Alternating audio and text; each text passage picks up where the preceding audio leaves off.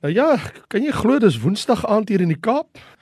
Ek is Raymond Lombard en ek wil met jou praat deur die feit dat ons nou deur die Bybel vorder met die boek Romeine. Ons reis deur die boek Romeine en dit bring ons nou by Romeine hoofstuk 10. Ek lees vir jou enkele verse daar. Broeders, skryf Paulus, die verlange van my hart en die gebed wat ek tot die God vir Israel doen is tot hulle redding. Want ek getuig dat hulle 'n ywer vir God het, maar sonder kennis. Want omdat hulle die geregtigheid van God nie ken nie, het hulle hulle eie geregtigheid probeer oprig en hulle het al aan die geregtigheid van God nie onderwerp nie. So Paulus se relasie soos aan die einde van die hoofstuk ook kan hulle so ver gaan om te sê maar hoor wat sê die pro profete van ouds? Van hulle sê eh, soos byvoorbeeld Jesaja durf self sê dat die Here sê ek het my laat vind deur die wat my nie gesoek het nie. Ek het verskyn aan die wat na my nie gevra het nie. Maar van Israel sê hy die hele dag het ek my hande uitgebrei na 'n ongehoorsame en teesprekende volk. So ons kan hier sien dat Paulus verwys na 'n volk wat nie se agslaan op die Here nie. En eintlik wat ons hiermee te doen het in Romeine hoofstuk 10 is die verkeerde geregtigheid. Onthou, ek wil jou nou net herinner in Romeine 9, 10 en 11 praat Paulus met die Romeine in Rome met Romeinse heidense gelowiges met die feit dat in die gemeente daar ook Jode is wat tot bekering gekom het en wat hulle broers en susters is. Hulle is almal nou deel van die liggaam van Christus, want hy skryf mos hierdie brief Romeine aan die Romeinse gelowiges in Rome. En hy hou in gedagte dat die Jode wat onder hulle is in die gemeentes, hulle is mos nog nou maar eenmal die volk van Abraham, Isak en Jakob, die nageslag van die drie aardsvaders. En so wat hy nou doen hier in Romeine brief, in Romeine 9 praat hy oor die verkiesing van Israel. Dit het ons mos nou gesien verlede week. Hier in Romeine 10 praat hy oor die verwerping van Israel.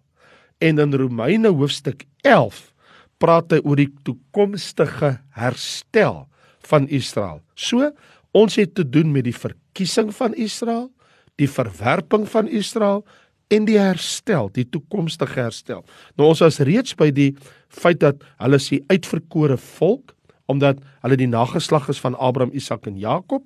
Maar nou kom ons by hoofstuk 10 waar ons die verwerping sien van Israel.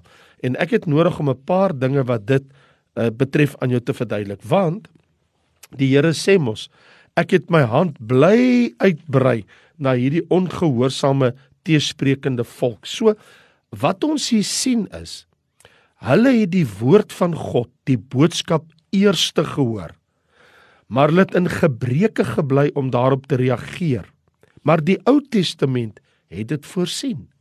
So die profete het geprofeteer dat dit sal gebeur. God sê, hy weet hulle gaan dit met hom doen. So die profete het meer as dit ook geprofeteer dat die Christus, die Messias boodskap, die evangelie, die een wat kom uit hulle volk uit, dat sy boodskap na die heidene sal gaan en baie daardeur gered sal word. Dis hoekom ons lees in Romeine 10. Hy sê in vers 8: Naby jou is die woord in jou mond en jou hart. Dis die woord van die geloof wat ons verkondig. As jy met jou mond die Here Jesus bely en met jou hart glo dat God hom uit die dode opgewek het, sal jy gered word. Want met die hart glo ons tot geregtigheid, met die mond bely ons tot redding. En hoor hier, hoor wat sê vers 11, want die skrif sê elkeen wat in hom glo sal nie beskaamd staan nie. En vers 13 sê elkeen wat in hom glo, wat die naam van die Here aanroep, sal gered word. So of jy nou 'n heiden is of jy 'n Jood is, dat die evangelie van die Messias, die een wat kom, beteken almal wat hom aanneem kan gered word. In ander woorde, een ding weet ek en jy verseker. Alle mense word uitgenooi tot saligheid deur die geloof in Jesus Christus ons se Here. So, dit bring my nou by waar ons mos nou in hoofstuk 9 gesien het, God se soewereiniteit in sy uitverkiesing en dat Christus na die vlees uit daai volk sal kom. Dit was God se soewereine besluit. Ek en jy kan niks daaraan doen nie. Dis God. Nou beweeg Paulus in hoofstuk 10 van God se soewereiniteit na Israel se verantwoordelikheid. God het gekies, God het hulle geroep, God het hulle gevestig, God het hulle in hulle land gestel. Die Here het vir hulle blyplek gegee. Die Here sorg vir hulle en Israel het hom miserabel geval. Die vraag is hoekom? Hoe dit gebeur? En wat hy verduidelik hier is, hulle het die verkeerde geregtigheid nagejaag. En so sy hoofstuk 10 hier wat ons nou mee te doen het, is dan nou die verduideliking dat dit is waar die Messias, die Christus kom uit julle, uit die volk Israel, maar Israel is nou deur God tersyde gestel. God het hulle eenkant gestel soos wat ons sien hoe brei uit in Hoofstuk 11 vers 25 toe hy sê dat die verharding ten dele oor Israel gekom het. Ander woorde, daar het 'n sekere verwerping plaasgevind en die redes vir Israel se verwerping mag jy miskien wonder. Mense sou dink dat Israel met groot verwagting die koms van hulle Messias sou afwag en dat hulle gereed sou wees om die Christus te ontvang. Daarom God het vir hulle 'n wet gegee, die skoolmeester. Ons sien mos daar in Galasiërs 3 en spesifiek dink ek nou in terme van die 24ste vers waar daar geskrywe staan die wet was dus ons tugmeester dis nou vir die Jode na Christus toe sodat ons geregverdig kan word uit die geloof. So die wet wat hulle eintlik na Christus moes lei, hulle het eintlik die wet verwerp. En nou lees ons in Johannes 1 vers 11, hy het na sy eiendom gekom, maar sy eie mense het hom nie aangeneem nie, omdat hulle die wet gewan interpreteer het. Nou hoe kan 'n mens hierdie vreeslike tragiese gebeure wat plaasgevind het verduidelik? Wel, Paulus gee verskeie redes in Romeine 10. Kom ek noem vir jou een. Een van hulle is, hy sê daar in vers 11 dat Israel het nie besef hulle nodigheid aan saligheid nie. Want hulle glo, hulle dink omdat hulle fisies die nageslag is van Abraham, Isak en Jakob, dink hulle alles is reg. Ons is mos nou die nageslag van die aardsvaders. Ons is Jode, ons is Israeliete. So ons is God se volk. Hulle dink nie in terme van persoonlike saligheid nie. Hulle so by hulle is die verstaan van in wat Paulus sê is jy kan nie so gered word net om te sê ons kom met daai nageslag het nie. Dit is so goed soos jy sê vir my vandag, my ma en pa se Christen, so ek sal ook hemel toe gaan. Jy kan nie op iemand anders se saligheid hemel toe gaan nie. Maar jy kan sê o, ek het 'n baie goeie pastoor. Hy ken die Here en en hy ken my naam ook en ek is in sy kerk. Dit gaan nie jou laat hemel toe gaan nie. Dit is te doen met jou eie saligheid. Hier staan elkeen wat die naam van die Here aanroep, sal gered word. Elkeen wat in hom glo, sal gered word. So Israel, die eerste probleem was, hulle het nie besef, hulle het nie verstaan hulle nodigheid aan saligheid. Ek bedoel jy kan so ver teruggaan soos uh, Deuteronomium 10. En jy sal in Deuteronomium 10 lees dat Moses sê, "Maar julle moet in julle hart besny word." En hy praat van die wedergeboorte. Hy sê moenie dink omdat jy die nageslag van Abraham, Isak en Jakob is, jy gaan almal hemel toe nie. Jy moet in jou hart besny word. Daar moet 'n wedergeboorte by julle plaasvind. Selfs Moses het in Deuteronomium 10 dit onder die volk se aandag gebring. Maar die ander punt wat Paulus hier uitlig, behalwe dat Israel um, nie uh, besef hulle nodigheid vir saligheid nie. Hy sê Israel is jaloers vir Jahwe. Hulle is jaloers vir God. Ander woorde, Hulle jaloesie grens aan hulle ywer vir die wet in plaas van hulle ywer vir God. Hoor hoe stel hy dit? Hy sê in vers 2: Ek is oortuig van hulle, van my volk, dat hulle 'n ywer vir God het, maar sonder kennis. So hulle poog om die wette onderhou, die tradisies te onderhou, maar hulle verhouding met God is nie op paar nie. Dit is, kan ek dit vir jou so stel, dit is soos om by hitte te sit sonder lig. Daar kan mos nie hitte wees sonder lig nie. Israel is trots en selfregverdig. Hy sê in vers 3: Hulle het die geregtigheid van God nie geken nie. Hulle het hulle eie geregtigheid probeer oprig. Hier staan dit in vers 3. Hulle eie geregtigheid. Dis kom ek vir jou sê, daar is die regte geregtigheid en daar's die verkeerde geregtigheid. Dit laat my dink aan 'n prediker, ou Robert McCain. Hy het 'n traktaatjie Ek weet nie of jy al gesien het hoe gee party mense in die treine of in die busse of in die taksies of op die straathoeke of daar by die plein of sommer by plekke gee hulle mos nou graag traktaatjies vir mense om met hulle oor die Here te praat om 'n aanknopingspunt te soek of om iemand te laat dink. En ou Robert, hy was ook besig om dit te doen en hy gee 'n traktaatjie vir hierdie mooi welgeklede statige vrou, jy weet prominente vrou. En sy gee hom net so kyk en sy sê vir hom meneer Jy weet nie wie ek is nie. Robert het daar so gekyk en sy antwoord aan haar was mevrou. Oordeelsdag kom en op daardie dag gaan dit geen verskil maak wie jy is nie. Jy sien, dis waaroor dit gaan. Dat moenie vir my kom sê maar jy weet nie wie ek is nie. Die Here weet wie jy is en dit is genoeg en die Here weet jy het Jesus nodig. Jy het redding nodig. Jy het saligheid nodig. Jy het vergifnis nodig. Jy het genade nodig. Jy het barmhartigheid nodig. Maar nou gaan Paulus nog verder. Hy sê daar tussen vers 4 en vers 10 van Romeine is nou hoofstuk 10. Hy sê Israel het hulle eie wet misverstaan. Want wanneer die Bybel sê Christus is die einde van die wet, vers 4 sê mos Christus is die einde van die wet tot geregtigheid vir elkeen wat glo. So, dit beteken dat soverre dit kinders van die Here betref, Christene betref, vir my en jou, die wet het in Christus tot 'n einde gekom. Christus het die bediening van die wet, the ministry of the law, vir die wat glo, getermineer. So ek en jy kan nie meer aan die wet gaan vashou nie.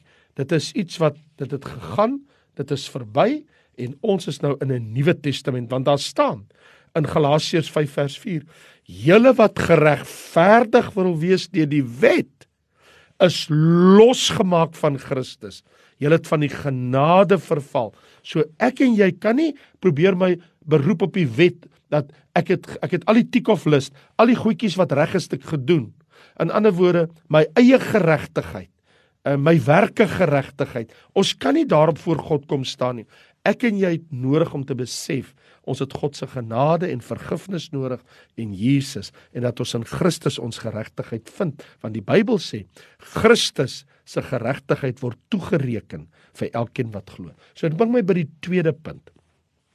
Nie net die verwerping van Israel wat ons hier sien in hoofstuk 10 wat Paulus onderstreep nie. Maar hy kom ook met die gedagte van maar daar is laastens wil ek met jou praat oor die oplossing van Israel se verwerping. Ander woorde kan ek sê die vernietiging van alle verskonings. Want die enigste manier waarop die Jode Israel gered kan word, hulle moet glo dat Jesus Christus die Messias is. Onthou, jy kan nie gered word deur die Mosaïese wet nie, deur Judaïsme nie. Israel vandag, selfs tot vandag 2000 jaar later, Hulle kan nie gered word deur die wette onderhou van die wetboeke van Moses deur ortodokse Jode nie. Die Bybel sê, Jesus sê in Johannes, hy sê vir die Jode, as julle nie glo dat dit ek is nie, dat ek die Messias is nie, gaan julle in julle sonde sterwe. So ek wil vir jou sê, as jy nie glo dat Jesus die seun van God is nie, gaan jy in jou sonde sterwe. So jy moet dit glo. Hier staan as jy met jou mond die Here Jesus bely en met jou hart glo. Elkeen wat glo, elkeen wat bely, elkeen wat die Here aanroep, sal gered word. So hulle eers moet hulle glo en dan moet hulle die Here aanroep. Dit is wat moet hulle glo? Wat wat moet ek glo? Glo dat Jesus Christus die seun van God is, dat Jesus Christus aan die kruis vir ons sondes gesterf het, dat Jesus Christus vir ons begrawe is en dat Jesus Christus vir ons uit die doodheid opgestaan het en dat Jesus Christus vir ons as middelaar die saligheid nou aanbied. So wat Paulus hier sê is dat as ons kan glo dat Jesus want dis wat hier staan, as jy met jou mond die Here Jesus bely, as jy met jou hart glo, kan jy gered word. Die resultaat van Israel se verwerping is 'n geweldige ding wat daar gebeur het want eintlik deurdat Israel deur God tersyde gestel is, beteken dat Christus se boodskap gaan na die hele wêreld. Ek bedoel, Jesus het mos gesê toe die doodheid opgestaan het in Matteus 28 vers 19: "Gaan dan in, maak disippels van al die nasies en doop hulle in die naam van die Vader, die Seun en die Heilige Gees en leer hom alles te onderhou wat ek julle beveel het." So hier is die ding dat nou dat die Jode Jesus verwerp het, het Jesus aan die kruis vir die hele wêreld gesterwe, nie net vir Israel wat hom verwerp het. Ek bedoel, ons weet mos dat Johannes 1 vers 11 sê hy het na sy eiendom gekom en sy eie mense het hom nie aangeneem nie, maar ons weet dat die volgende verse sê, maar aan almal wat hom aangeneem het, het hy mag gegee om kinders van God te word. So toe Israel die Messias verwerp het, het die Christus boodskap, die Messias boodskap na die hele wêreld gegaan. Daarom kon Jesus ook in Lukas hoofstuk 24 sy laaste woorde daar vir sy disippels is: "So is dit geskrywe, so moes die Christus ly op die 3de dag uit die doodheid opstaan. Bekering en vergifnis van sondes in sy naam verkondig word van Jerusalem af en verder. Almal moet dit hoor. So, vriende, 'n noukeurige beskouing van die Nuwe Testament bevestig dit absoluut. Toe Jesus begin preek het, was dit vir die Jode alleen. Hy het net gesê ek is gestuur na die verlore skape van die huis van Israel en sy disippels het net vir die Jode gepreek. So Jesus se disippels het net vir die verlore skape van die huis van Israel gepreek. Maar na Jesus opstanding uit die doodheid, toe sê hy vir hulle, gaan die hele wêreld in verkondig die evangelie aan die ganse mensdom. Of soos wat ek en jy ook sien in Markus hoofstuk 16 wat hy vir hulle sê, gaan die hele wêreld in verkondig aan die ganse mensdom en hy wat glo en laat doop sal gered word. Maak disippels van al die nasies. So die hele wêreld is nou inbegrepe. En in die boek Handelinge sien ons Petrus as die leier preek vir die Jode op Pinksterdag Handelinge 2. Petrus gaan bedien vir die Samaritane in Handelinge 8 en Petrus bedien vir die heidene in Handelinge 10 en so gaan die evangelie oor die hele wêreld. So vriende, ek wil nou vir julle sê, die Bybel is baie duidelik dat Jood en heiden word op presies dieselfde manier gered. Hoe is dit? Deur die geloof in Jesus Christus. Hoor wat sê Romeine hoofstuk 10. Spesifiek dink ek nou aan die 21ste vers. Ek wil jou aandag vestig. Hoor net wat staan in Romeine 10 vers 21. Maar van Israel sê die Here, die hele dag het ek my hande uitgebrei na 'n ongehoorsame en teesprekende volk. So terwyl dit gesê word, ja, Israel as 'n volk is tans tersyde gestel, is daar tog individuele Jode wat gered word deur hulle geloof in Jesus Christus. Sal die Here sy hande bly uitstreek na hierdie volk? Ja. Die Here gaan in die groot verdrukking nadat die Here hulle geoordeel het, sal Jesus verskyn vir hulle. Maar vir my en jou moet die Here ook sy hande uitbrei na ongehoorsaames. Gaan ek en jy dit weerstaan of sal ek en jy sê Here, ek glo? Here u woord sê Christus is die einde van die wet tot geregtigheid vir elkeen wat glo. En die woord sê in Romeine 10 vers 8 naby jou is die woord in jou mond en jou hart die woord van die geloof as jy met jou mond die Here Jesus bely en met jou hart glo sal jy gered word want die skrif sê elkeen wat in hom glo sal nie beskaamd staan nie so Vers 17 sê die geloof is uit die gehoor en die gehoor is deur die woord van God. Jy het nou die woord van God gehoor. Wat gaan hom trend doen? Bely Jesus as jou saligmaker en glo met jou hele hart dat wat God van hom sê die waarheid is. Vader, Ons kom na U toe in die wonderlike naam van Jesus Christus, U seun. En ons wil sê, Here Jesus, ons bely U as die saligmaker, as die seun van God, die een wat aan die kruis sy lewe kom gee het. En ons bely dat U begrawe is en ons bely dat U opgestaan het uit die dood uit en dat U leef aan die regterhand van God tot in alle ewigheid. Ons glo dit met ons hele hart, Here. En ons sê dat ons weet u woord sê elkeen wat in hom glo sal nie beskaamd staan nie. Elkeen wat die naam van die Here aanroep sal gered word. Ons roep u aan. Ons roep u naam aan. En ons sê Here, red ons in die naam van Jesus Christus u seun. Elm aan die woord sê almal wat hom aangeneem het, het hy mag gegee om kinders van God te word. Waarlik waar, ons neem U aan as ons redder, as ons Here, as ons saligmaker, as ons middelaar, as die eerste en die laaste, die lewende. Vader, dankie, dankie dat U Jesus Christus vir ons gestuur het. Amen. Ja, toe vriende, ek groet vir julle. Ek is Raymond Lombard, daar van Volle Evangelie Kerk Lewende Woord Gemeente en kyk uit om volgende week met jou verder te gesels hierso by Wat sê die Bybel en as jy op 'n Sondag aand inskakel, gesels ek met jou tans oor ons reis deur die boek Hebreërs. Seën vir jou, liefde en vrede.